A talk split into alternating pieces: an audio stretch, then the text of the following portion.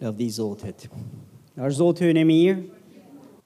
Gjoni kapitulli 15, vargu 16, Jezusi tha, nuk më keni zgjedhur ju mua, por unë ju kam zgjedhur juve. Dhe ju caktova të shkoni dhe të jepni shumë fryt.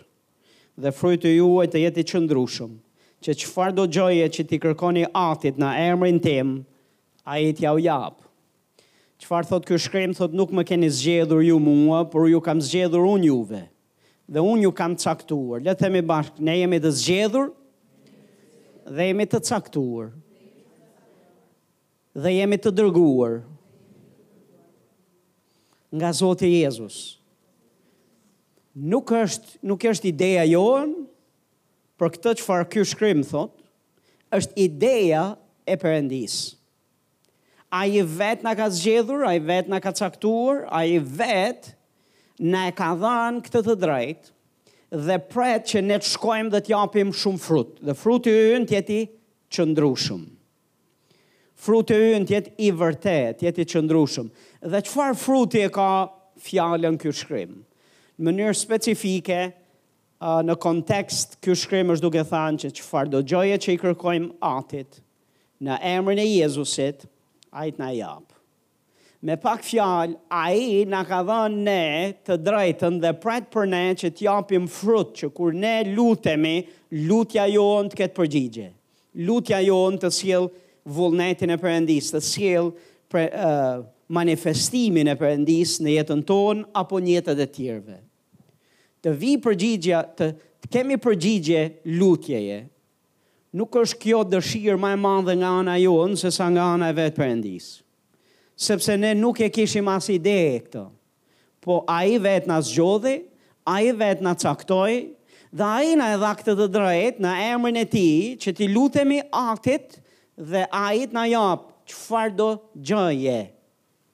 T'na japë çfarëdo gjëje! T'na japë çfarëdo gjëje! Kush e ka këtë të drejtë mes krijesave të Zotit?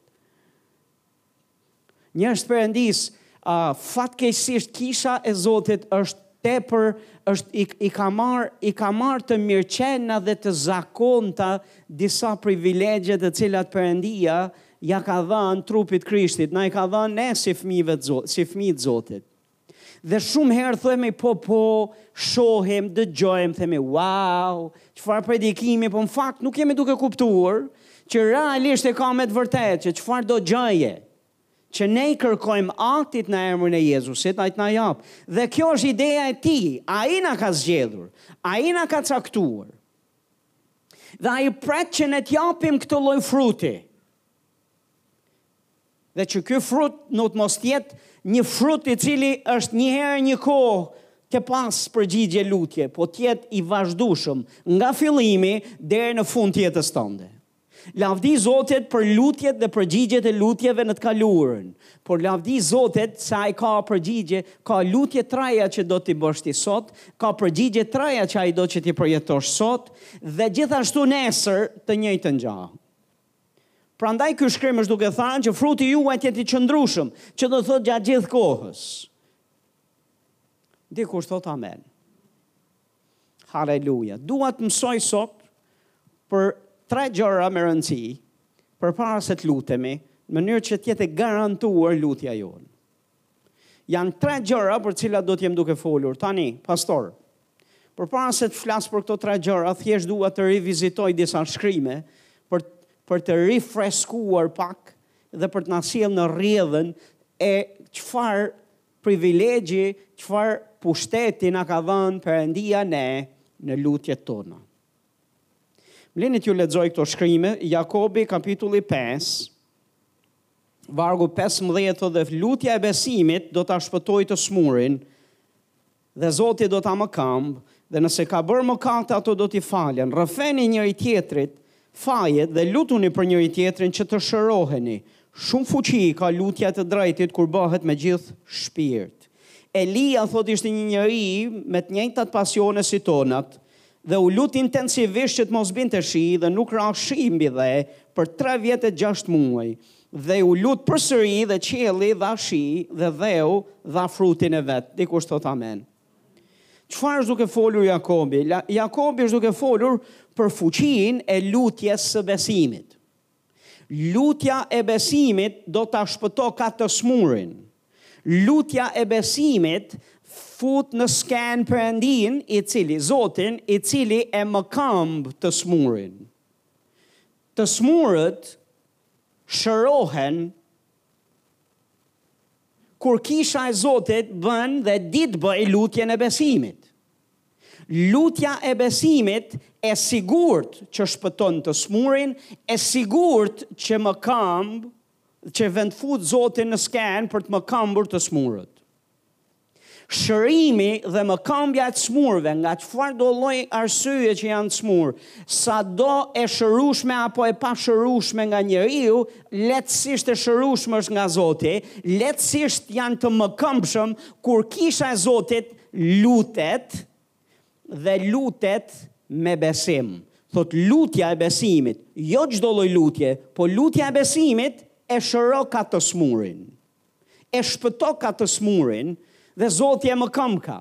Gjithashtu shkrimi thotë, lutuni për njëri tjetrin, pak më poshtë thotë, rrëfeni fajet njëri tjetrin dhe lutuni për njëri tjetrin që të shëroheni. Domethanë, çfarë është duke thanë ky shkrim? Ky shkrim është duke thanë që nëse dikush është tërë plagë, brënda, emocionalisht, mendrisht, Edhe fizikisht, sepse kur njeriu, njerëzit mëkatojnë, fatkeqësisht ia hapin derën t'ligut dhe nganjëherë i hapin derën edhe sëmundjeve dhe i hapin derën edhe uh, torturave emocionale mendore. Po kur rrëfehen mëkatet, çfarë thotë dhe lutemi dhe kisha lutet për njëri tjetrin, çfarë ju bë, çfarë ju ndodhka atyre? Shërohen. Falen dhe shërohen. Uau, çfarë fuqie paska lutja! Kur dikush është n'mëkat, cila është alternativa që Zoti i ka dhënë kishës? Është rrëfej mëkatin, po të shkojë n'lutje, dhe kisha t'luten për njëri-tjetrin që të shërohen. Thotë gjithashtu shumë fuqi ka lutja e t'drejtit kur bëhet me gjithë shpirt. Ne jemi të drejtët e Perëndisë dhe një përkthim tjetër i këtij shkrimi thotë këtë gjë, Perëndia ka vendosur në dispozicion të kishës të të drejtëve të tij shumë fuqi. Shumë fuqi, fuqi të madhe. Që kur ata luten, Ajo fuqi çlirohet. Ne kemi n'dispozicion fuqinë e Perëndisë. Simbas shkrimeve tek Efesianët, e njëjta fuqi që ringjalli Krishtin prej së vdekurish, vihet në veprim ndaj nesh që besojmë dhe Pali lutet që ne t'na hapen sytë e kuptimit, që ta dimë, që ta kuptojmë këtë gjë, që kjo fuqi që ringjalli Jezusin nga vdekja. Jezusi ishte i vdekur. Njerëz Zotit. Jezusi njëherë u kryqëzua dhe u masakrua në drurin e kryqit. Jezusi u la në varr për tre ditë dhe ishte trupi i tij ishte drejt kalbjes. A jeni këtu apo jo? Dhe e, fuqia e Perëndisë e, e, e ngriti Jezusin prej së vdekurish dhe i dha jetë. E njëjta fuqi është vënë në dispozicionin tonë si të drejtët e Perëndisë. Ne kemi të drejtë që të përdorim këtë fuqi. Këtë të drejtë na e ka dhënë Perëndia, këtë fuqi e ka vënë Perëndia në dispozicionin tonë. Çfarë pritet prej nesh është që ne të lutemi me gjithë shpirt.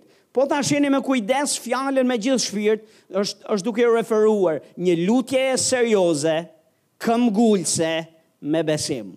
Një lutjeje serioze, Këmbëngulëse me besim. Kjo është lutje me gjithë shpirt. Nuk është lutje me gjithë shpirt nëse dalin rrylat e fytit dhe ke ngrit zërin. A jeni, a jeni duke dëgju? Sepse nganjëherë duket sikur po, është duke u lut me gjithë shpirt sepse ja po po pështyn, domethënë pështyma e tij ka shku 5 metra larg se kur po lutet. Dhe nuk është s'ka asgjë gabim, Nuk ka nai gjo gabim në qoftë se ti lutesh, po pështymën mbaje, të lutem, të lutem drejtoj ande nga, jo nga njerëzit, nuk është gabim ta ngresh zërin dhe të lutesh me zë edhe me gjithë forcën tënde. Asgjë gabim dhe nganjëherë kur fryma e shenjtë vjen mbi ty dhe kur ti je një me dhembshurinë e Perëndisë, E me zjarrin e Zotit ti mund të kalosh në këtë nivel. Po më le të të shpjegoj, përgjigja nuk është e lidhur, nuk është e lidhur me sa sa e ngre zërin. Është e lidhur me sa serioz je, me sa besim ke në lutjen tënde. Por pastor, paska fuqi të madhe në dispozicionin tonë.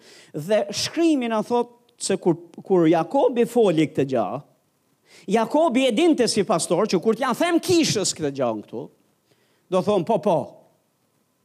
Do thonë po mor po.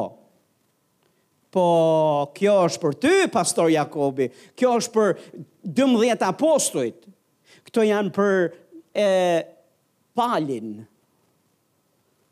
E çfarë bën, çfarë bën Jakobi? Jakobi përmend Elijen.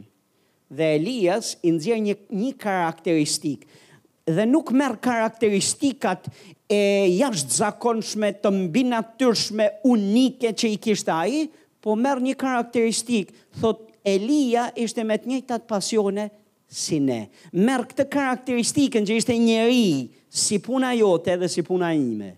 Dhe ky u lut thot intensivisht. Me këmbngulje.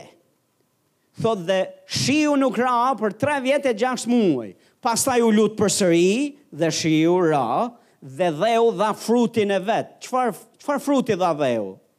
Përveçse mbiu misri dhe mbi, mbiu gruri, dheu në fakt dha një frut, kombi i Izraelit erdhi tek Perëndia, u kthy nga idhujtaria erdhi tek Zoti. Ne jemi të drejtë me të njëjta të drejta si Elia. Jemi njerëz po si Elia, me të njëjtat pasione si ai dhe asnjëri prej nesh nuk përjashtohet nga këto të drejta të cilat Jakobi është duke përmendur. Dikush thot amen. Lutja jote shëron të smurët. Lutja jote çliron fuqinë e mbinatyrshme të Perëndis, fuqinë ringjallëse të Zotit, fuqinë që ringjalli Krishtin prej së vdekurish, e çliron fuqinë e madhe që Zoti ka vënë në dispozicion. Ti ke akses dhe ti mund ta përdorësh. Në qoftë se lutesh me besim dhe me gjithë shpirt. Kjo është, ky është mesazhi i Jakobit. Ju kam folur që janë dy lloje lutjesh. Një lutje paralele, një lutje vertikale. Gjoni katërmbëdhjetë trembëdhjetë Jezusi tha çfarëdo gjëje që të kërkoni në emrin tim do ta bëj, që Ati të përlëvdohet në Birin. Në qoftë se do të kërkoni diçka në emrin tim, unë do ta bëj. Edhe një herë, çfarëdo gjëje që kërkoni në emrin tim. A e kuptoni ça do të thotë çfarëdo gjëje? Do të thotë çfarëdo gjëje. Që ju kërkoni në emrin tim. Fjala kërkoni këtu nuk është duke thanë që ne i kërkojmë Jezusit, Jezus, të lutem bëje, të lutem jep, të lutem më jep, të lutem bëj, po është në sensin që ti urdhron diçka të bëhet dhe të ndodhë në emrin e Jezusit. Është më tepër kërkesë në formë urdhërore. Dhe ne nuk urdhërojmë Jezusin në emrin e tij, po ne urdhërojmë gjërat që të bëhen. Ne i themi malit, shkulu me rranjë e hidhu në det. Ne nuk i themi Jezusit, Jezus eja dhe shkule malin e hidhe në det, po ne i flasim malit të shkulet dhe të hidhet në det, dhe Jezusi hyn në skenë e shkul malin e hedh në det. Në këtë sens, çdo gjë që kërkojmë në emrin tim, tha Jezusi, do ta bëj. Kush do ta bëj? Nuk tha Ati do ta bëj. Tha unë do ta bëj. Kur ne urdhërojmë diçka në emrin e Jezusit, Jezusi e bën. Jezusi hyn në skenë. Për gjëra të cilat ne i lutemi Atit, Ati e bën. Ati për Ati për uh, ndërhyn. dhe sjell rezultatin. Po në fund shikoni se theksi i asaj që jam duke mësuar tani është që shiko çfarë të drejtë të ka dhënë Zoti ty, që ti në emrin e Jezusit të urdhërosh. Dhe gjërat që urdhëron ti, Jezusi i merr serioze, seriozisht personale dhe ai ndërhyn. Dhe ai sigurohet që bëhet gjëja që urdhëron ti. Wow, A jeni këtu apo jo? Tashti është një gjë që Jezusi të urdhërojë vetë dhe gjërat bëhen. Këtë e kemi lehtësisht të kuptueshme. Kisha e ka lehtësisht të asimilueshme idenë që për Jezusin asgjë s'është e pamundur. Po për kur vjen puna që asgjë s'është e pamundur dhe për ne që besojmë, këtu e kemi pas edhe e kemi pak sfidë. Sepse e shohim veten se që të vish në këtë pozitë, duhet të jesh tepër u i veçantë në sytë e Zotit. Duhet të kesh disa cilësi të mbinatyrshme, kur nuk ke nevojë të kesh cilësi të mbinatyrshme, mjafton të jesh njeri, të jesh i drejtë dhe të jesh në Krishtin, të është dhënë e drejta e emrit të tij, të urdhërosh. Dhe çdo gjë që urdhëron, tha Jezusi, unë do ta bëj. Vargu më poshtë na e ripërsërit edhe një herë. Jezusi ë uh, rrallë përsërit gjërat e veta, kur thotë në të vërtetë, në të vërtetë. Po kur e përsërit dy herë një gjë, është duke theksuar jo se s'ka thënë të vërtetën herë tjetër kur ka folur një herë. Por kur thotë në të vërtetë, në të vërtetë, ose përsërit dy herë të njëjtën gjë, është duke theksuar një gjë që nuk do që të të kalojë ty Pa vëmendje. Dhe ti ta marrësh lehtas. Po hyn tek ato perla, ato gjëra me peshë dhe rëndësi që Zoti do që të jetë në zemrën tënde, që ti ta dish dhe ta dish dhe ta dish se Zoti vërtet ka, vërtet e ka me vërtet atë që është duke thënë. Amen. Dhe e ka për ty. Dikush thotë amen. Në qoftë se do të kërkoni diçka në emrin tim, thotë unë do ta bëj vargu 14. Domethënë thotë, përsërit të njëjtën gjë. Unë thotë do të sigurohem që do ta bëj. Ti mund të kesh besim tek Jezusi. Se nëse urdhëron diçka në emrin e tij, ai do ta bëjë. Tek Gjoni pesëmbëdhjetë vargu gjashtëmbëdhjetë ne shohim lutjen vertikale që i bëjmë Atit, ka gjëra për të cilat i lutemi Atit, ka gjëra për të cilat ne nuk duhet t'i lutemi fare Atit, ne duhet ta urdhërojmë, duhet t'i urdhërojmë në emrin e Jezusit bëhen. Po ka gjëra për të cilat Shkrimi na flet se duhet t'i lutemi Atit në emrin e Tij. Nuk më keni zgjedhur ju mua, thotë, por unë ju kam zgjedhur ju, vargu gjashtëmbëdhjetë, dhe ju caktova të shkoni të jepni frut, fruti juaj të jetë i qëndrueshëm, që çfarëdo gjëje që i kërkoni Atit në emrin tim, Ai do t'jua japë. Vargu njëzet e katër, Deri tani ju s'keni kërkuar asgjë në emrin tim. Kërkoni dhe do të merrni, që gëzimi juaj të jetë i plotë. Le të themi bashkë, kërkoni dhe do të merrni, që gëzimi juaj Të jetë i plotë. A e dini njerëz të Zotit, që Zoti do që gëzimi ynë të jetë i plotë? A jeni këtu apo jo? Që do të thotë, gëzimi ynë mund të mos jetë i plotë. Ne mund të kemi gëzim, po gëzimi ynë mos jetë i plotë. Çfarë është duke folë ky shkrim këtu? Më lini t'ju shpjegoj se çfarë është e dashme thënë.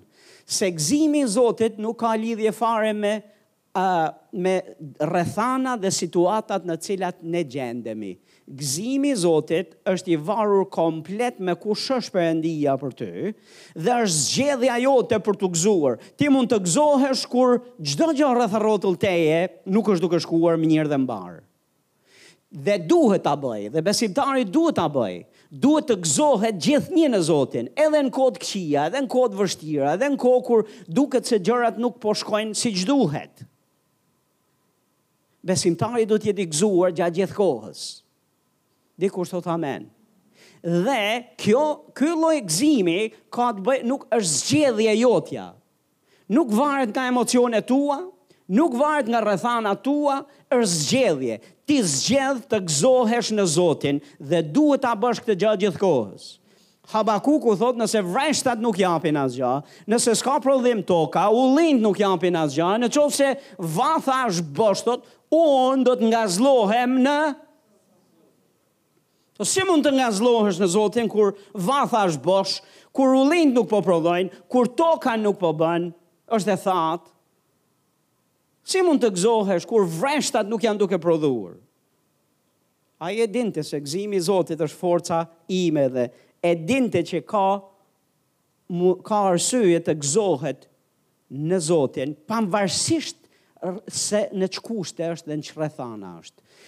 Po më lini t'ju shpjegoj kur thotë gëzimi juaj të jetë i plotë, Perëndia do që ti jo vetëm të gëzohesh në mes të situatave ku vatha jote është bosh, ku vreshti s'është duke prodhuar, ku ullinjtë janë janë duke u tharë, e kur je bagëtia jote thash nuk ke Kur je në kushte skamje dhe në kushte shtrëngimi, ai do që t'i kthejë përmbys gjithë këto situata. Lutja është ajo që i kthen përmbys. Bën që të prodhojë fiku, bën që të mbushet stalla, bën që të prodhojë vreshti, bën që të lulëzojë gjithçka përsëri. Lutja. Dhe kur ato lulëzojnë, pastaj gëzimi yt bëhet i plotë. Se me siguri ti mund të gëzohesh kur e ke xhepin bosh në Zotin. Po po ta them që kur të mbushet plot, seç vjen një gëzim akoma më i plotë. Dhe Zoti është interesuar që ti ta kesh këtë lloj gëzimi. Ama lutja e ka këtë fuqi. Vargu 26 në atë ditë ju do të kërkoni në ju në atë ditë ju do të kërkoni në emrin tim dhe nuk po them se unë do t'i lutem Atit për ju. Ai vetë në fakt ju do, sepse ju më deshët mua dhe keni besuar se unë dola nga Perëndia. Dikush thotë amen. Me të gjitha këto shkrime janë një një uh, prekje e lehtë se çfarë peshe, çfarë fuqie dhe çfarë të drejte i ka dhënë Zoti besimtarit në lutje. Çfarë fuqie dhe çfarë potenciali ka lutja e besimtarit. Lutja e të drejtit.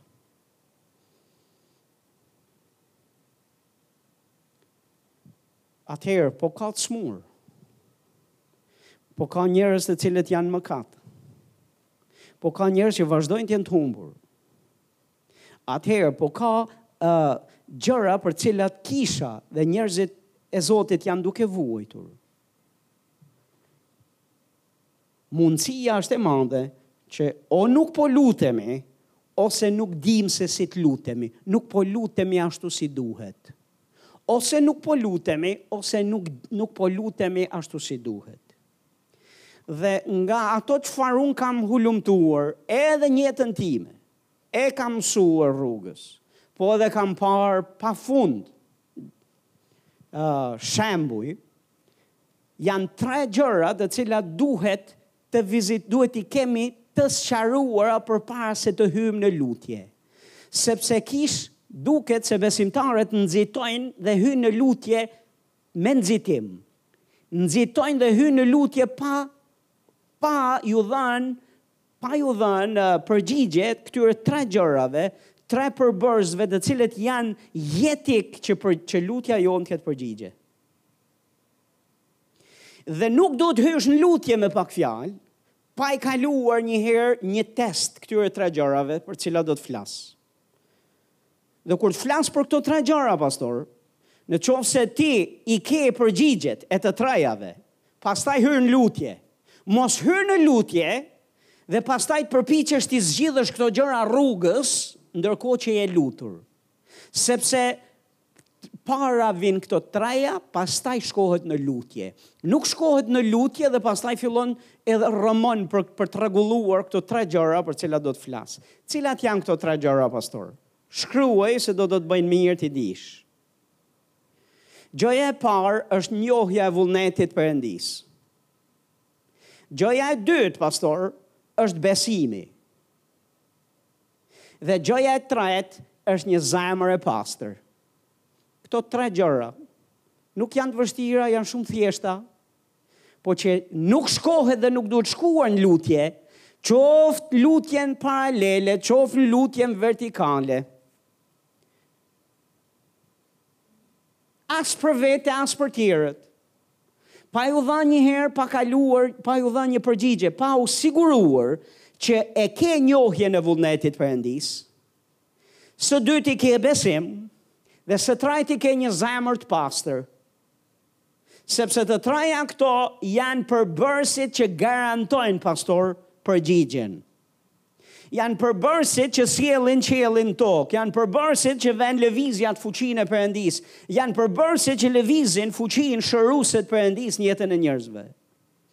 Në tënden e të tjerëve. Dhe këto treja janë shumë të rëndësishme t'i kesh përpara se të lutesh. Dhe shumë herë besimtarët shkojnë në lutje, dhe pastaj aty janë duke u menduar, a thua është vullneti i Zotit për këtë që po lutem apo jo? Hyjnë në lutje dhe janë duke menduar, a thua, a kam besim apo jo?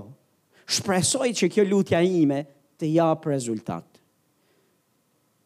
Po lutja e besimit çliron fuqinë. Lutja e besimit mëkëmb të sëmurët. Jo lutja e shpresës, edhe një dëshire edhe një hamendësimi, apo një shprehje dëshire të zjarrtë që ah sikur. Lutja e besimit. Janë këto tre përbërës që garantojnë thash përgjigjen. Le t'i shohim bashkë në shkrime. E para e Gjonit, kapitulli 5, le të flas pak për njohjen e vullnetit të Perëndisë. Përpara se të lutesh, pastor, ti ke nevojë të dish që për këtë që po lutesh, a është vullneti i Perëndisë ta kesh? A do Perëndia ta kesh?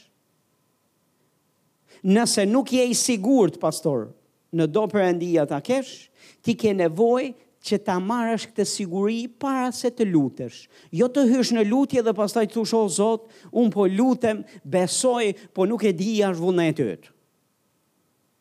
Sepse nuk mund të kesh siguri, po nuk e njohe vullnetin e Perëndisë. Shih çfarë thotë e para e Gjonit 5 vargu 14 dhe 15. Kjo është siguria që kemi përpara Perëndisë. Nëse kërkojmë diçka sipas vullnetit të Tij, Ai na e Kjo është siguria që kemi përpara Tij. Nëse kërkojmë diçka sipas vullnetit të Tij, Ai na e T'jua lexoj ndryshe.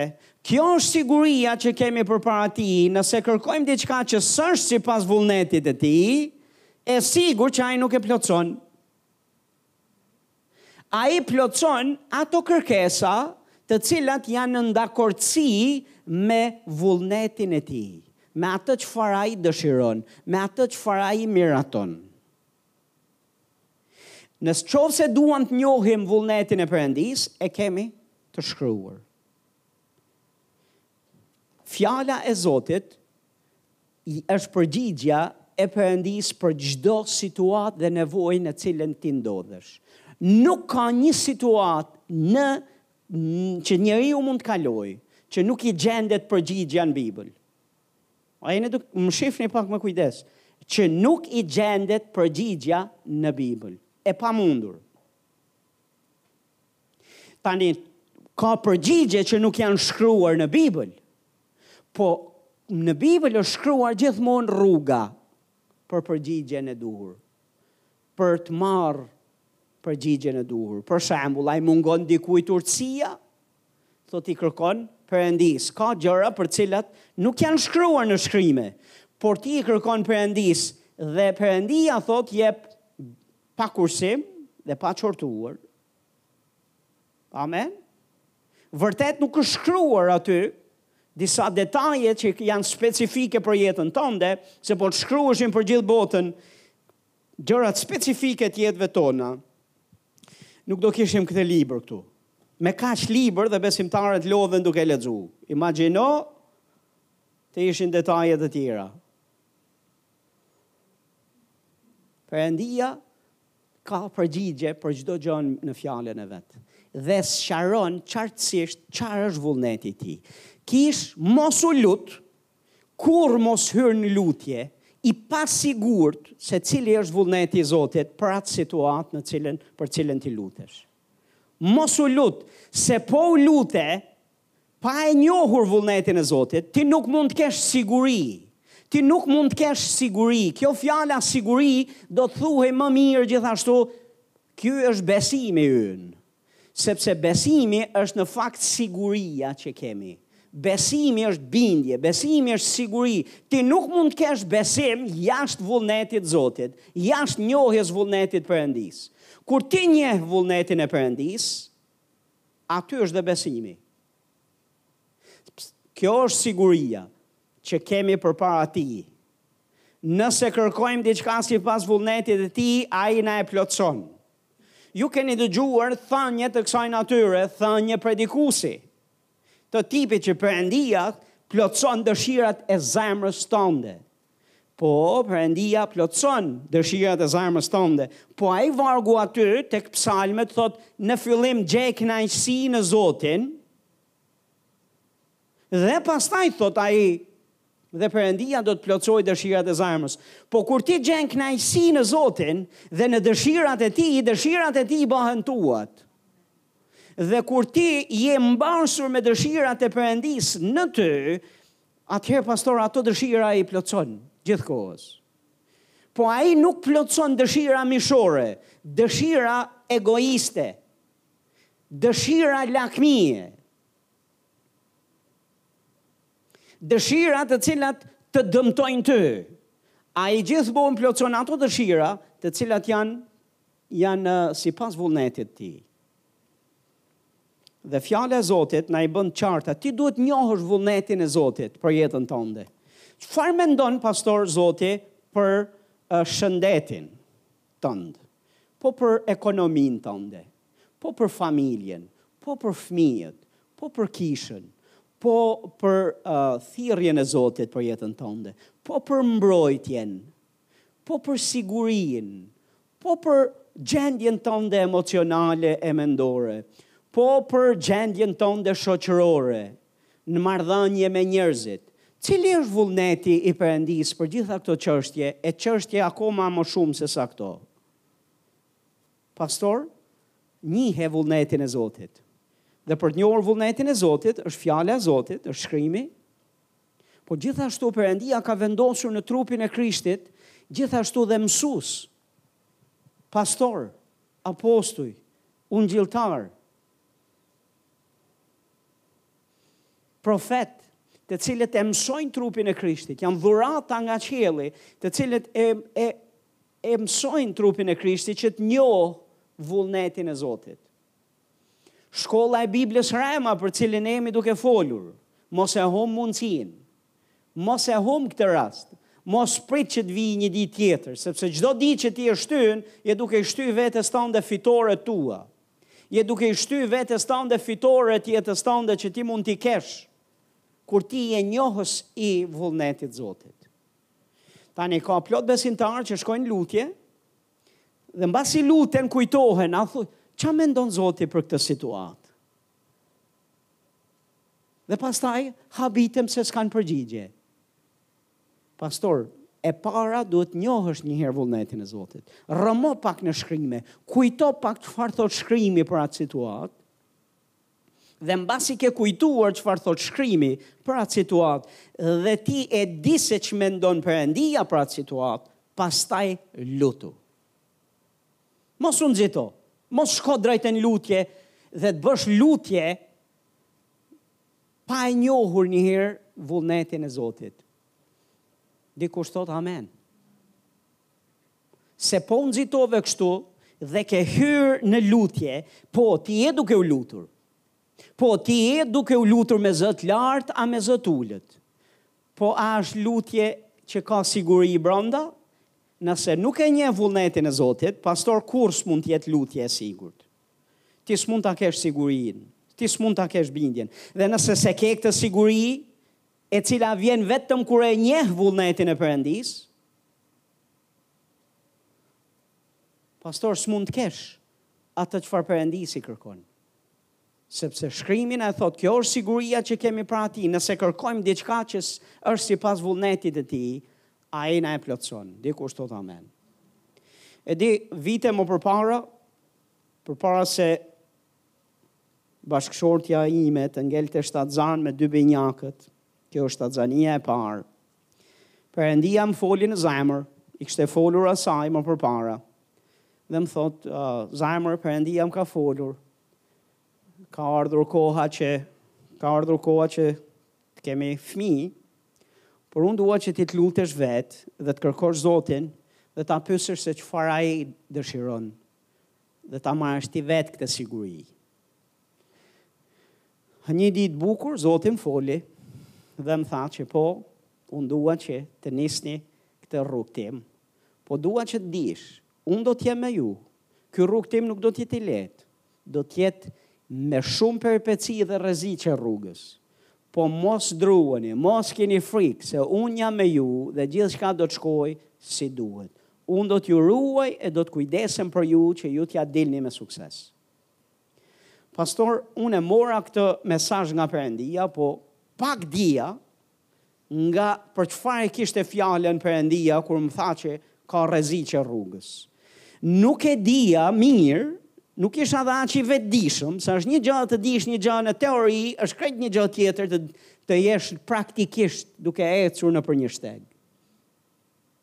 Nuk e dija se realisht po, po përmbushej me ne psalmi 23 vargu 4, nëse dikush ecë në luginën e hijes vdekjes, edhe sikur të ecja në luginën e hijes vdekjes, nuk do të kem frikë, sepse ti je pranë meje, shkopi dhe thupra jote janë ato që na japin zemër. Dhe pastor kemi pas peripeci, kemi qenë të kërcënuar me jetën, ajo, fëmijët, familja ime, e ardhmja ime, gjithçka ishte në nën kërcnim me jetën. Sepse në të natyrshmen, ajo s'mund të lindte një fëmijë, jo më dy binjakë. Në të natyrshmen, ajo s'kishte oksigjen mjaftueshëm për trupin e saj, jo më të ushqente dy fëmijë. Dhe sipas mjekëve, në për shkak të sëmundjes që ka pasur të trashëguar, sipas mjekëve ata ishin të tmerruar për veten e vet dhe thonin që mund të vdesë ajo, mund të flejë gjumë e mos çohet mëngjes, mund të jetë duke ngrënë bukë e t'i bjerë T'i bjerë infarkt apo tromboza, mund të jetë duke ecur rrugës, edhe të këputet dhe të bjerë për tokë. Imagjinoni t'jua thonë profesionistë, profesorë, doktorë të fushës, të cilët dinë se çfarë flasin. Imagjinoni t'i shihni ju të irituar dhe të frikësuar dhe të tmerruar ata për gjendjen e bashkëshortes time, më shumë se sa unë. Sepse e dinin, kishin informacion se çfarë do të thotë. Dhe pastor, kërcënimi ishte që minimumi mund të vdesnin fëmijët, mund të vdesnin njëri prej tyre, kishte të gjitha këto i kemi dëgjuar rrugës. Nga fillimi i shtatzanisë deri në fund. Dhe nuk janë të pakta rastet se ju i keni dëgjuar. Nuk janë të pakta të rastet kur ne në të natyrshmen kishte kishim kaluar çdo limit dhe vijë të kuqe sipas mjekëve. E kishim kalu, kishim kalu në krahun në krah rreziku shumë larg. Sipas atyre ata at, ata ishin të habitur si ka mundësi që kjo vazhdon të qeshë, vazhdon të jetojë, ka fëmijët janë mirë. E kishim kalu çdo limit. Pastor, po çfarë ju dha forcë ju? Si ia dolët ju? Si ia dolëm ne? Pastor, e di si ia dolëm? Na kujtohej fjala e Zotit që na u tha që në fillim. Perëndia më dha një fjalë, Perëndia na dha një fjalë. Dhe gjithë kohës i thonim njëri-tjetrit, zemër, Perëndia është me ne. Ai është në krahun tonë. Ai na ruan dhe na mbron e ne do t'ia dalim. Si, nuk e di, po ai është i fuqishëm mjaftushëm për të na bërë t'ia dalim. Dhe pastor ajo fjalë na mbajti. Dhe pastor besnikëria e Zotit na mbajti. Ja ku e keni pastoren, fëmijët i kemi, e me radhë dhe kaluam gjithë këto. Dhe si ky proces, kemi kaluar procese të tilla shumë herë. Dhe kemi parë bekimin e Zotit, po kur ti e njeh vullnetin e Zotit, kur ti e di se Perëndia do që ti të bësh një gjë, të kërkosh një gjë, të kesh një gjë. Kur ti e di dhe e di dhe e di, ti ke siguri, aty ke besim. Sepse besimi vjen nga njohja e vullnetit të Zotit. Besimi vjen nga dëgjimi dhe dëgjimi i fjalës Perëndisë. Dikush thotë amen. Mos u lut pastor pa e njohur vullnetin e Zotit. Njihe një herë vullnetin e Zotit, pastaj lutu. Tani më lini të bëj një një një një sqarim. Me kalimin e viteve Ka disa gjëra të cilat unë as nuk lodhem më për të lexuar e menduar për shkrime, për disa situata dhe disa gjëra. Dhe tani unë hy në lutje menjëherë dhe as shkrimet nuk i kam nuk i kam medituar, siç po ja u them ju. Sepse jam bërë aq një me këto shkrime dhe aq e di vullnetin e Zotit, sidomos në fushën e shërimit. Sidomos kur shoh njerëz të cilët janë të smur, sepse e di tashmë se është vullneti i Perëndisë që ata të shërohen, sepse e di tashmë që më është dhënë mua fuqi dhe pushtet që të lutem për ta në emrin e Jezusit që ata të shërohen, dhe kjo gjë ka ndodhur kaq shpesh e kaq shumë sa tani as nuk kam nevojë më ta vë në pikëpyetje a është a s'është vullneti i Zotit, sepse e di që është. Dhe vjen natyrshëm dhe Bëhemi shumë më të shpejtë se jemi bërë një me vullnetin e tij. Dhe kjo në fakt është pjekuria që Zoti kërkon që e gjithë kisha të shkojë për çdo fushë të jetës. Që ne të jemi aq një me shkrimet, aq një me vullnetin e Zotit, aq një me mendjen e Zotit, sa që ne të operojmë të operojmë lirshëm dhe pa humbë kohë. A jeni këtu në lutje? po jo të nxituar dhe pastaj të mendohemi, jam duke kërkuar dhe në fund, mbase ka fundi i lutjes kujtohemi dhe themi një gjë të kësaj natyre. U bëft vullne, por Zot unë po e kërkoj këtë, por u bëft vullneti yt. Kur thua por u bëft vullneti yt, je duke thënë, nuk e di a është a s'është vullneti yt. Dhe për gjërat, ka gjëra të cilat ti nuk e di. Ajo është një lloj lutje tjetër. Po jo në çdo lloj lutje futet kjo. Ti duhet ta njohësh vullnetin e Zotit. para se të lutesh. Sepse po po e njofte, do e kesh sigurinë përpara Perëndisë, se ai të dëgjon dhe e plotëson lutjen tënde. Përbërësi i dytë është besimi. Hebrenjt 11:5 thotë dhe pa besim është e pamundur t'i pëlqesh atij. Sepse ai që i afrohet Perëndisë duhet të besojë se Perëndia është dhe se është shpërblyesi i atyre që e kërkojnë atë. Pa besim është e pamundur, fjala e pamundur do të thotë e pamundur. Pastor mos u mundo, mos u lodh, në qoftë se s'ke besim, është e pamundur të ndodhin disa gjëra. Çfarë? Sipas këtij shkrimi është e pamundur që ti t'i pëlqesh Perëndisë. Edhe në lutjen tënde, që lutja jote të jetë e pëlqyer, e pranuar, e miratuar në sytë e tij, Ka nevojë që ti të kesh besim. Që veprimet tona, fjalët tona, motivet tona të jenë të pëlqyera në sytë e Zotit, ka nevojë të jenë me besim. Pa besim është e pamundur t'i pëlqejmë Perëndisë. Veprat, fjalët, motivet, gjërat që ne bëjmë, po edhe lutja. Pa besim është e pamundur t'i afrohesh atij. Ti mund të kërkosh t'i afrohesh atij, ti mund të dëshirosh t'i afrohesh atij, po është e pamundur që realisht të bësh hapa dhe të lidhesh e t'i afrohesh atij, po nuk është besimi. Besimi bën që lutja jote, afrimi yt, të jetë i suksesshëm. Afrimi yt në praninë e Zotit Të jetë i suksesshëm. Dhe besimi, pa besim, pastor, është e pamundur t'i pëlqesh atij dhe gjithashtu thotë, dhe se duhet të besojmë se Perëndia është. Dhe se është shpërblyesi i gjithë atyre që e kërkojnë atë. Me pak fjalë kur ti e kërkon atë me besim, ti do e marrësh shpërblimin e tij. Nëse jo është e pamundur ta marrësh. Besimi I drejti do të jetojë me anë të besimit. Besimi është jetik për besimtarin.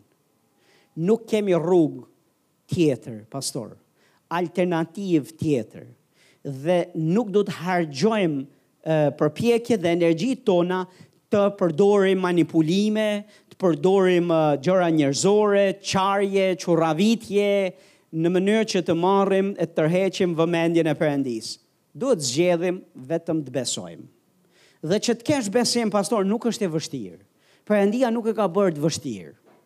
Një herë, uh, shkrimi thotë, Romakët 10-17, besimi vjen nga dëgjimi dhe dëgjimi i fjalës Zotit. Do besim, mbushu me fjallën e Zotit. Sa më shumë fjalë e Zotit në ty, më shumë besim ke. Dikush thotë Amen. Marku 11, vargu 22 dhe 25,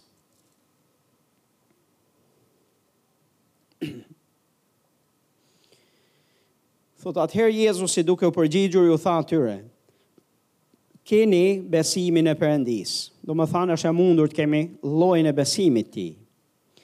Sepse ju them thotë në të vërtetë se nëse dikush do t'i thotë këtij mali luaj vendit dhe hidhu në det, dhe nuk do të dyshojë në zemër të vet por do të besojë, themi bashkë por do të besojë. Se ajo që po thotë do të ndodhë, thotë çdo gjë që do të thotë do t'i bëhet. Domethënë, gjërat që ne thek, themi, gjërat që ne urdhrojmë, nëse nuk dyshojmë në zemër, por besojmë, se do të ndodhin e do bëhen, do t'u bëkan. Kusht qenka mos dyshosh, kusht qenka që të besosh në zemrën tënde, jo në mendje, po në zemër. Se ti mund të kesh dyshime në mendje, mund të kesh mendime dyshimi, e mund të jetë Mendja jote e sulmuar nga mendime dyshuese, ke besim, s'ke besim, do ja dalësh, s'do ja dalësh, do kesh sukses, s'do ke, do dëgjohet lutja jote, s'do dëgjohet lutja jote, do marrësh përgjigje, s'do marrësh këtu. Po këtu në zemrën tënde. Është një vend tjetër në frymën tënde.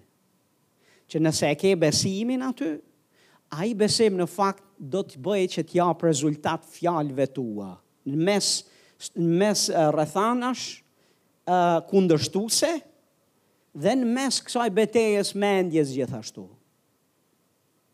Po çelës është besimi, besimi, jo urdhri, jo fjalët pa besim. Jo urdhri, jo fjalët pa besim. Ti mund të urdhërosh në emrin e Jezusit, ti mund të flasësh në emrin e Jezusit, ti mund të komandosh gjërat të bëhen në emrin e Jezusit, po nëse nuk ke besim, pastaj janë vetëm fjalë të zbrasta pa fuqi. Nuk do kenë mbështetjen e fuqisë mbrapa. Besimi është ai që hap kanalin, që bën lidhjen dhe që sjell, edhe që sjell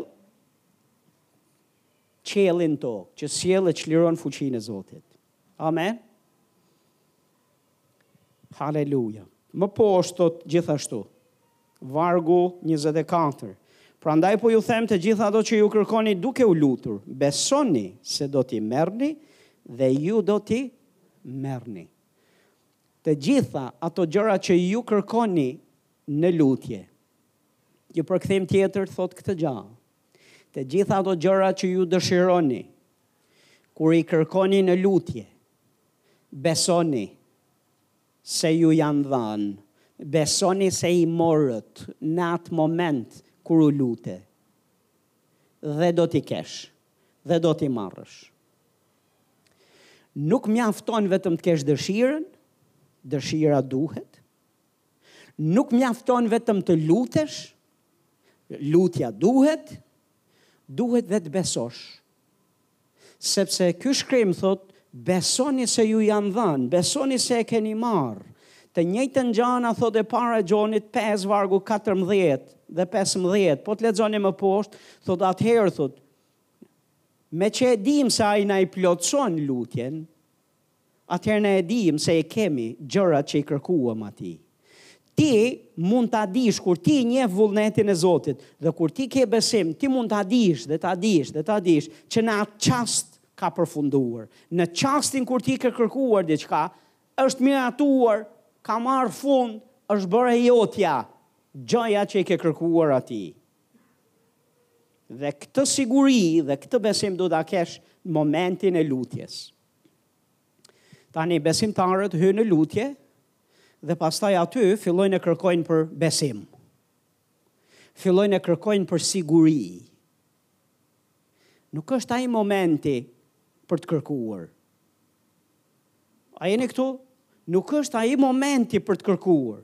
Momenti duhet të jetë para se të lutesh.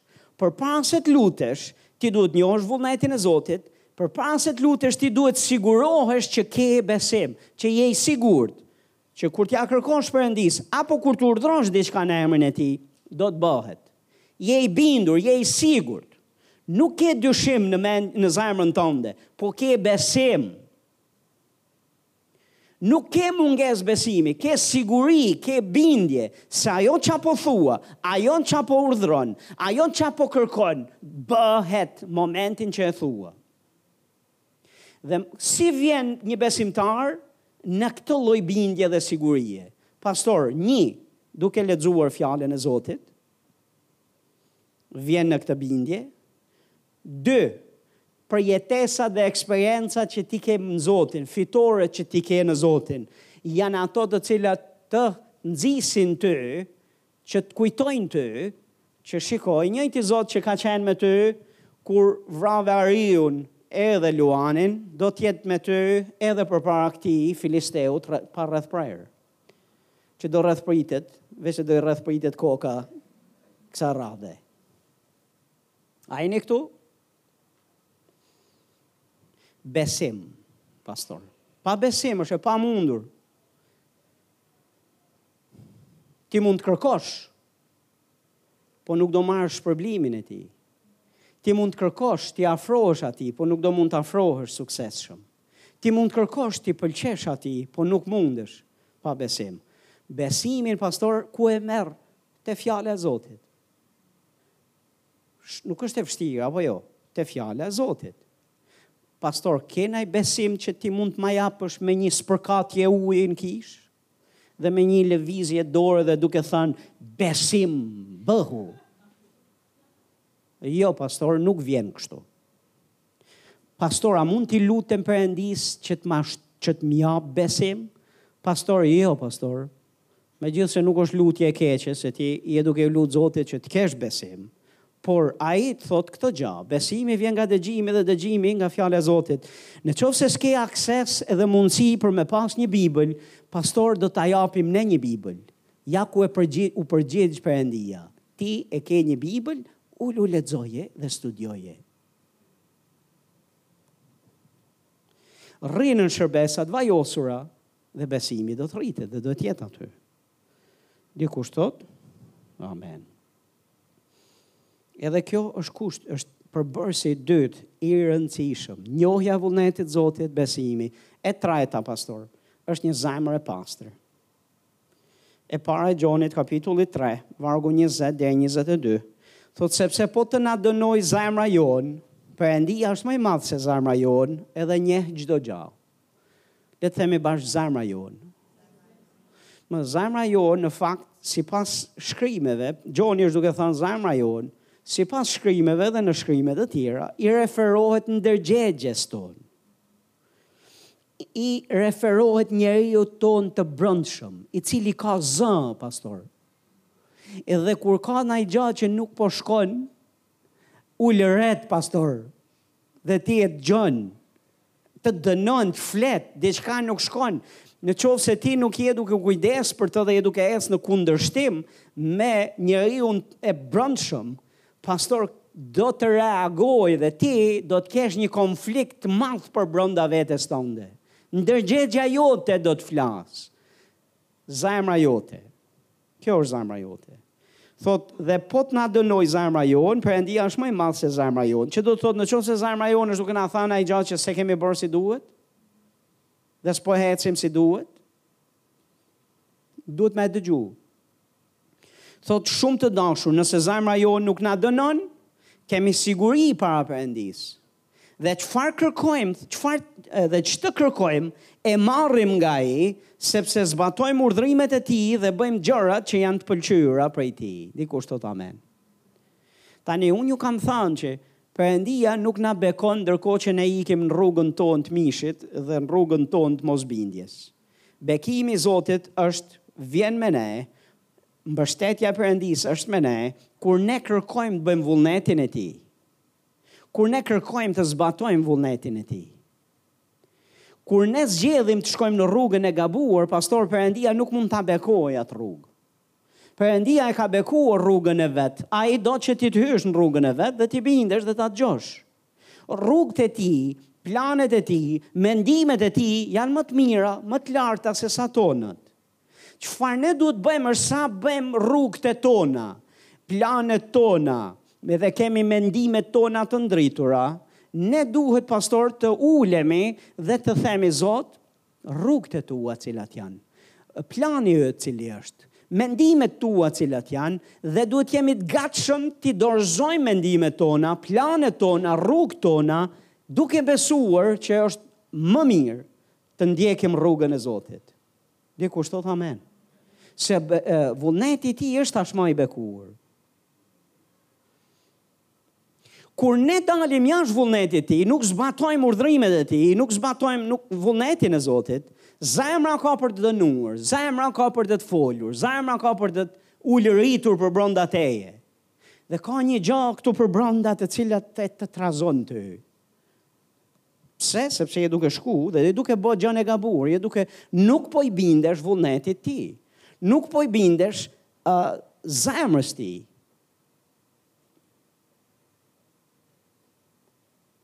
A jeni këtu? Dhe s'mund të kesh siguri pastaj, thotë, sepse vargu 22 dhe çfarë të kërkojmë e marrim nga ai sepse zbatojmë urdhërimet e tij dhe bëjmë gjërat që janë të pëlqyera përpara tij. Me pak fjalë nëse zemra jonë është e pastër, ne mund ta kemi sigurinë që kur lutemi, marrim përgjigjen. Mund ta kemi.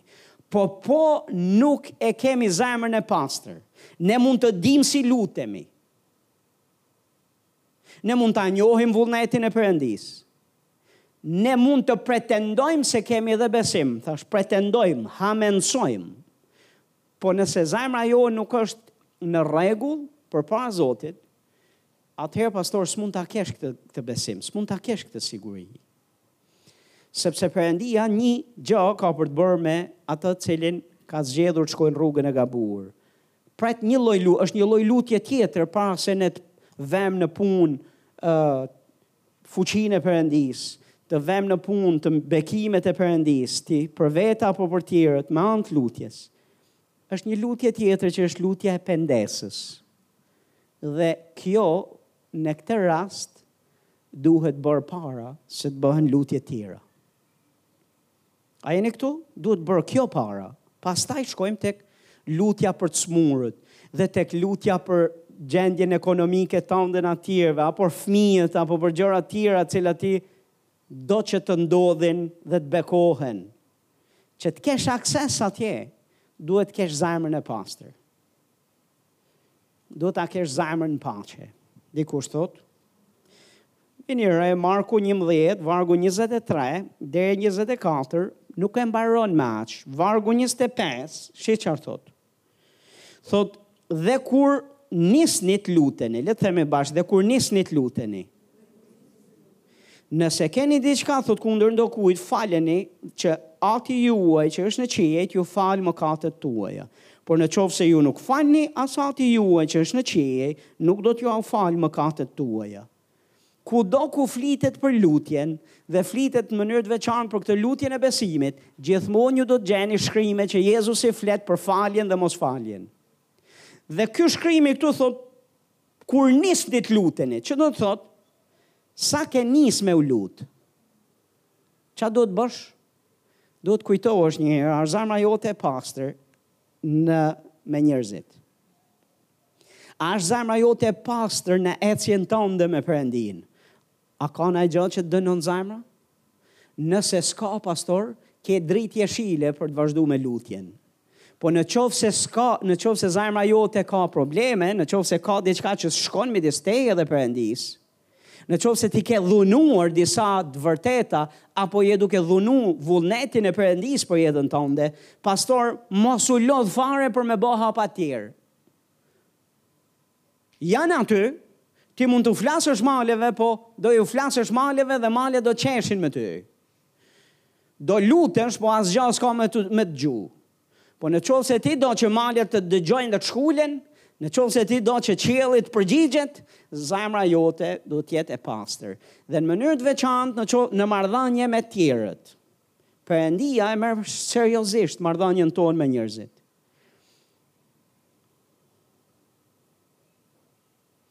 Dhe kur nisni të luteni, thot në, nëse keni diçka kundër ndokujt, faleni. Që do të thot dikush ta ka bë borxh.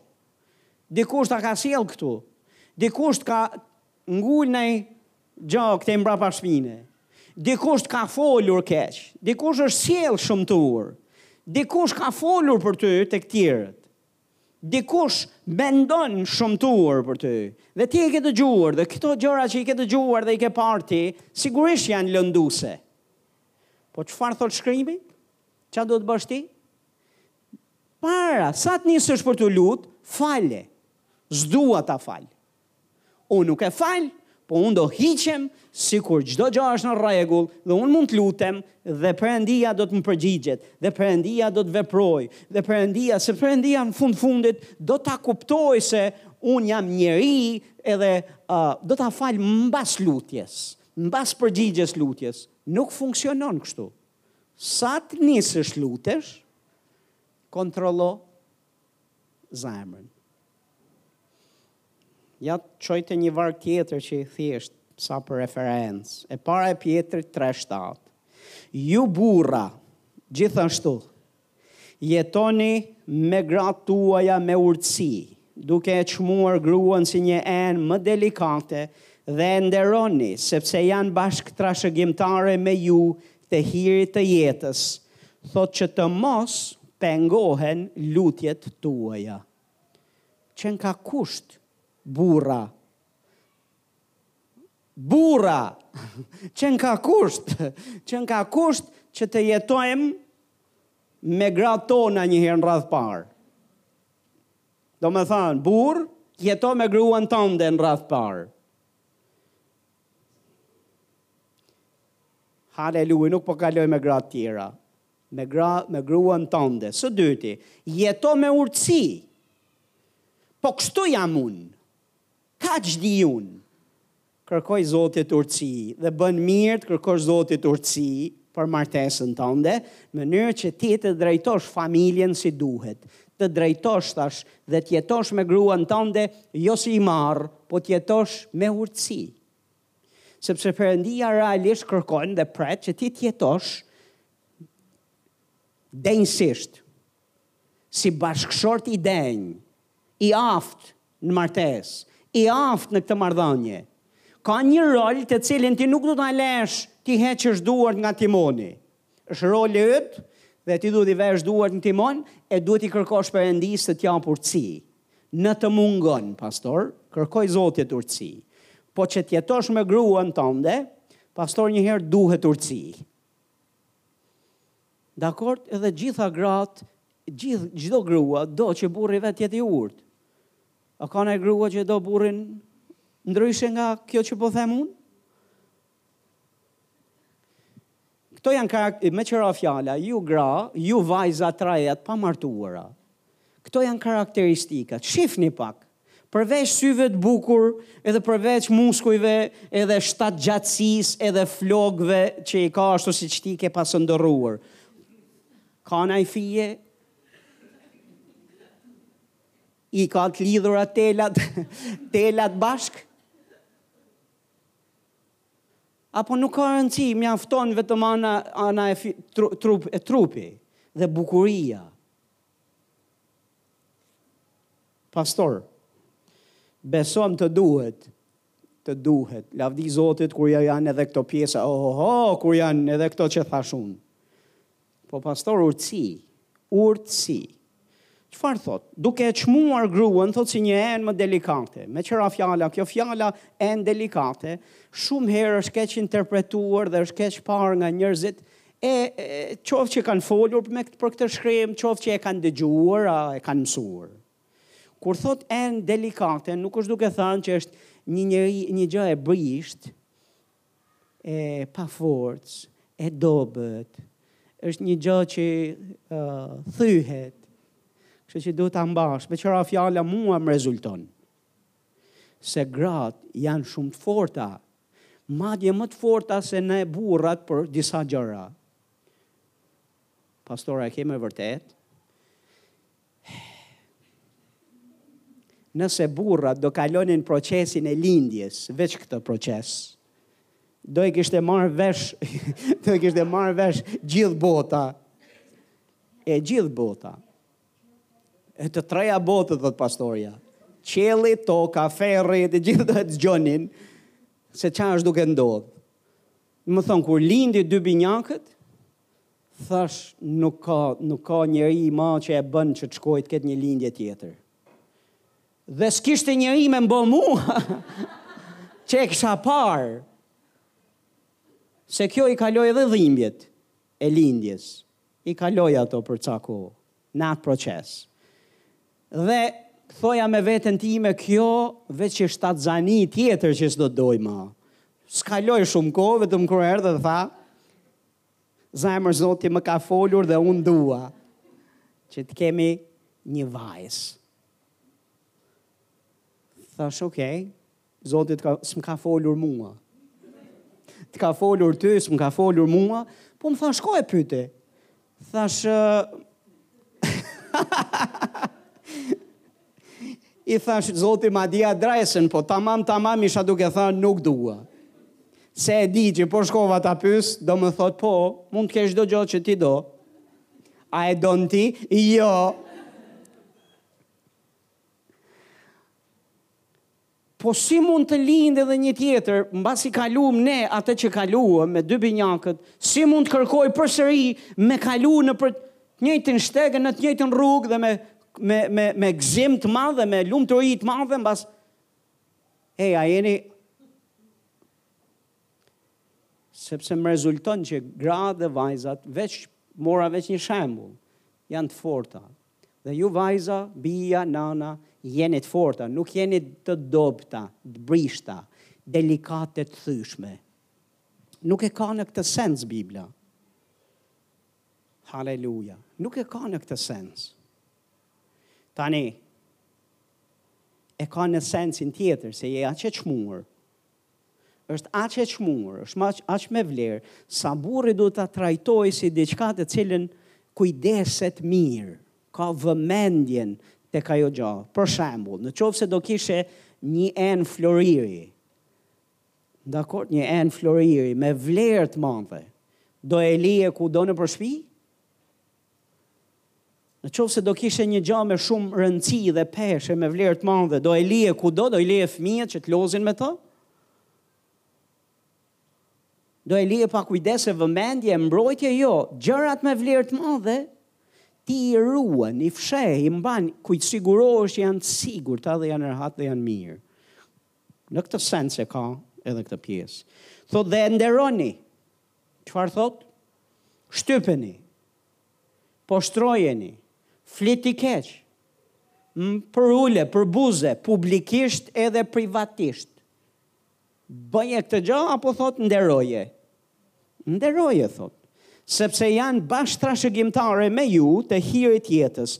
Që do të thotë ti je trashëgimtar i hirit të jetës. Ka një hir për të jetuar jetën që Perëndia ka për ty. Po siç e ka për ty, e ka edhe për bashkëshorten tande. Dhe ky hir është Perëndia e ka për të dy. Pa këtë hir ne nuk jetojmë dot si duhet, kualitet jete. Pa këtë hir nuk ia dalim dot dhe dhe shpia kthehet ferr. Martesa dhe jeta kthehet në prang të dhimbshme me mungu ky hir. Me mungu ky hir është e dhimbshme, është shumë e dhimbshme me qenë vetëm pa këtë hir. Po të jesh në martesë pa këtë hir, pastor kjo është jo, kjo është ferr ferri në tokë. Po ja u shpjegoj pastor. Ferri në tokë kur mungon kjo këtu. Por çfarë thotë? Që të mos pengohen lutjet tuaja. Domethënë, bëjeni gjithën këto. Që mos pengohen lutjet tuaja, që mos ju mungojë ky hiri i jetës. Dhe që lutjet tona të kenë përgjigje. Që do të thotë para se të lutesh? Je duke u lut, po lutesh që të smurët të shërohen, ti të shërohesh, të tjerët bekohen. Shqipëria thirret me emrin e Zotit.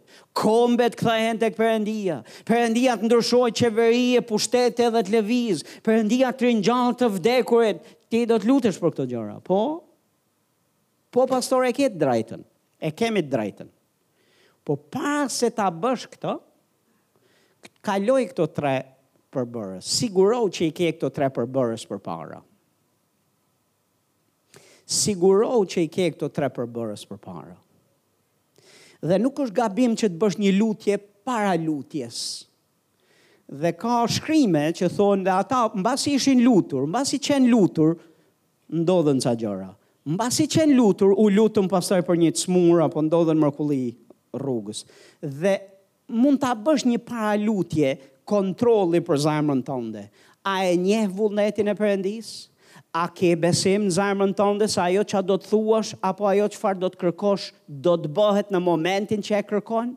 Dhe a është zemra jote në paqe me njerëzit dhe me Perëndinë? A është zemra jote e pastër?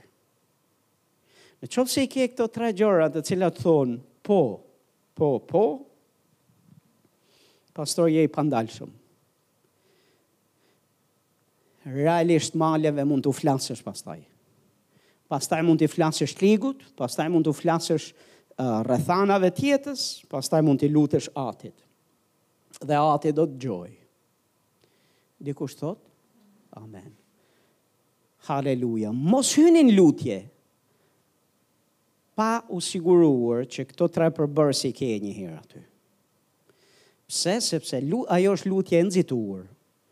Dhe ka plot besimtarë që hyjnë në lutje, është më tepër një rutinë fetare sesa që është një lutje serioze, një lutje serioze, një lutje me gjithë shpirt, një lutje e cila vërtet do të jetë efektive. Dhe që të jesh efektiv në lutje, Këto tre gjëra të duhen pastor. Të duhet njohja vullnetit të Zotit. Gjej shkrimë që të provojnë që ajo çfarë po kërkon dhe çfarë po shpall është e drejta jote. Ta ka dhënë Perëndia këtë të drejtë. Sepse atëherë mund të kesh sigurinë dhe bindjen se të ka thënë Zoti, të ka premtuar ai. Amen, dhe kur ti e ke premtimin e tij, ti e di që ai do të të mbështesë. Sepse fjala e Zotit thotë, Perëndia vigjilon mbi fjalën e vet dhe siguron që fjala e tij nuk kthehet kurrë bosh. Fjala e Zotit thotë do mbetet për jetë. Toka dhe qielli do shkojnë, por fjala e tij do të mbetet për jetë. Është e gjallë, është vepruese fjala e Zotit. Haleluja, dhe ti ke sigurinë kur e njeh fjalën e Zotit. Besimi. Besimi vjen po nga fjala e Zotit. Hyjmë në lutje dhe lutem dhe jemi duke thënë, shpresoj që a ke besim? Po, kam besim. Por në fakt, thellë, thellë, në mendjen tënde ti je duke hamensuar, duke thënë shpresoj. Ah sikur vërtet kjo lutje të bëhet? A thua do bëhet? Apo s'do bëhet? Ka plot raste që jam lutur për njerëz për shërim. Dhe i kam pyetur mbrapa, a beson ti që e ke marrë shërimin tënd? Dhe më kanë thënë disa, më kanë thënë inshallah. Që do të thotë do Zoti e marr. Nuk e di, Zoti e di. Ose tha një, shpresoj që të jetë bërë. Ose, nëse Perëndisë i pëlqen dhe do.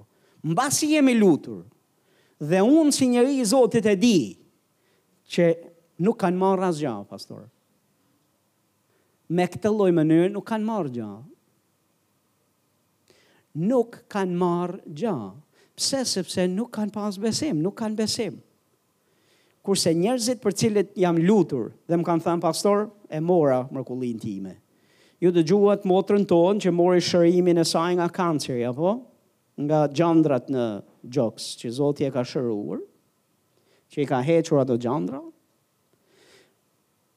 Ka marrë, ka dëgjuar vetëm një fjalë nga Zoti, Ka marrë një lutje, akoma nuk ishin hequr gjandrat nga trupi i saj, me kohë, nuk e di se sa kohë, sa kohë motrë kanë qenë aty, mbas lutjes.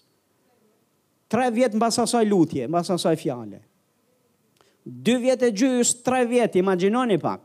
Dhe ju e dëgjuat radhës kaluar që doli këtu përpara dhe tha unë besova se e mora mrekullinë time kur u tha fjala e Zotit, sepse e ndjeva zjarrin e Zotit në trupin tim dhe thashë kjo është mrekullia ime, e mora mrekullinë time.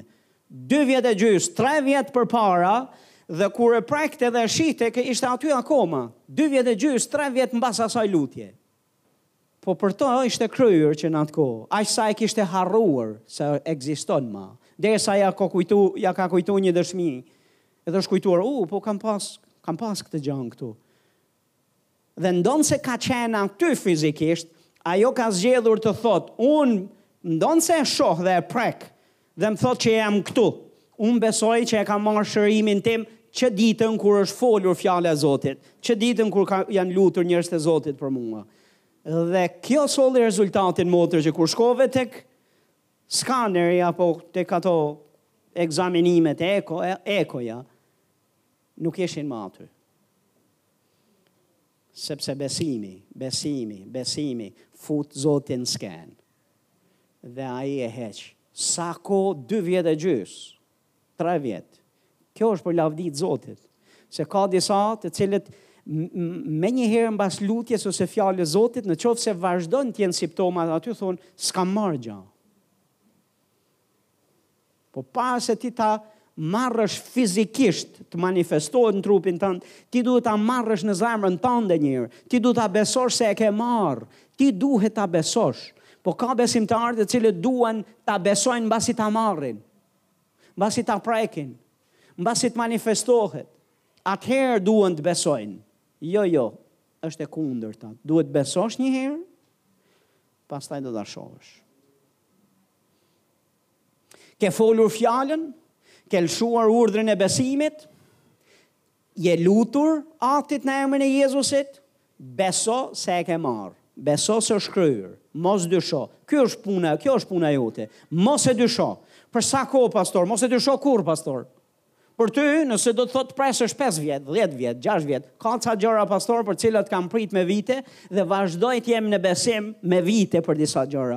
Dhe nuk do më gjeni një moment që unë do të them dhe do shpall të kundërtën e besimit tim. Besoj se i kam marrë që në momentin që i kam kërkuar. E ndonëse janë duke kaluar vite, duke kaluar kohë, për mua pak rëndësi ka, për mua janë kryer momentin që i kam kërkuar e besuar.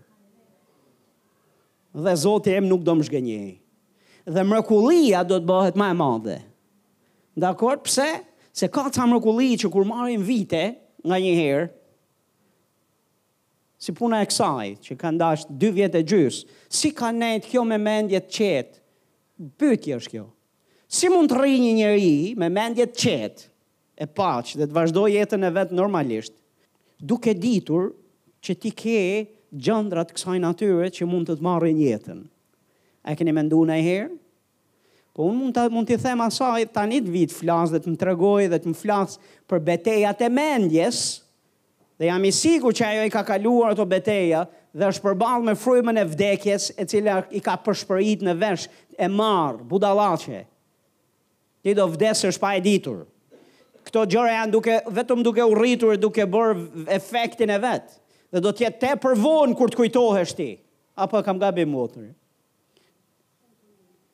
Tundim, po nuk i është dhënë atij tundimit sepse i ka besuar Perëndisë. Dhe duke i besuar atij ka marrë mrekullinë e saj. Pastor, besimi sjell rezultat. Amen. Sa prej jush doni të keni përgjigje lutjeje? Atëherë, pastor, njihe vullnetin e Zotit, para se të lutesh. Ki besim, se gjërat që po i kërkon a urdhron në emrin e tij, do të bëhen në çastin që kërkon, dhe sigurohu që zemra jote është e pastër, që s'ka mëkat në jetën tënde, që ti nuk je duke bërë një jetë jashtë vullnetit Zotit. Sigurohu për këtë gja. Dhe nuk është e vështirë, fryma e shenjtë do të të ndihmojë. Po je i sinqert, fryma e shenjtë do të të ndihmojë. Do të të thotë, kjo gjëja këtu nuk shkon, ndryshoje, rrëfeje, pastrohu me gjakun e Jezusit, edhe tani mund të hysh në lutje. Mos u nxito. Mos u nxito.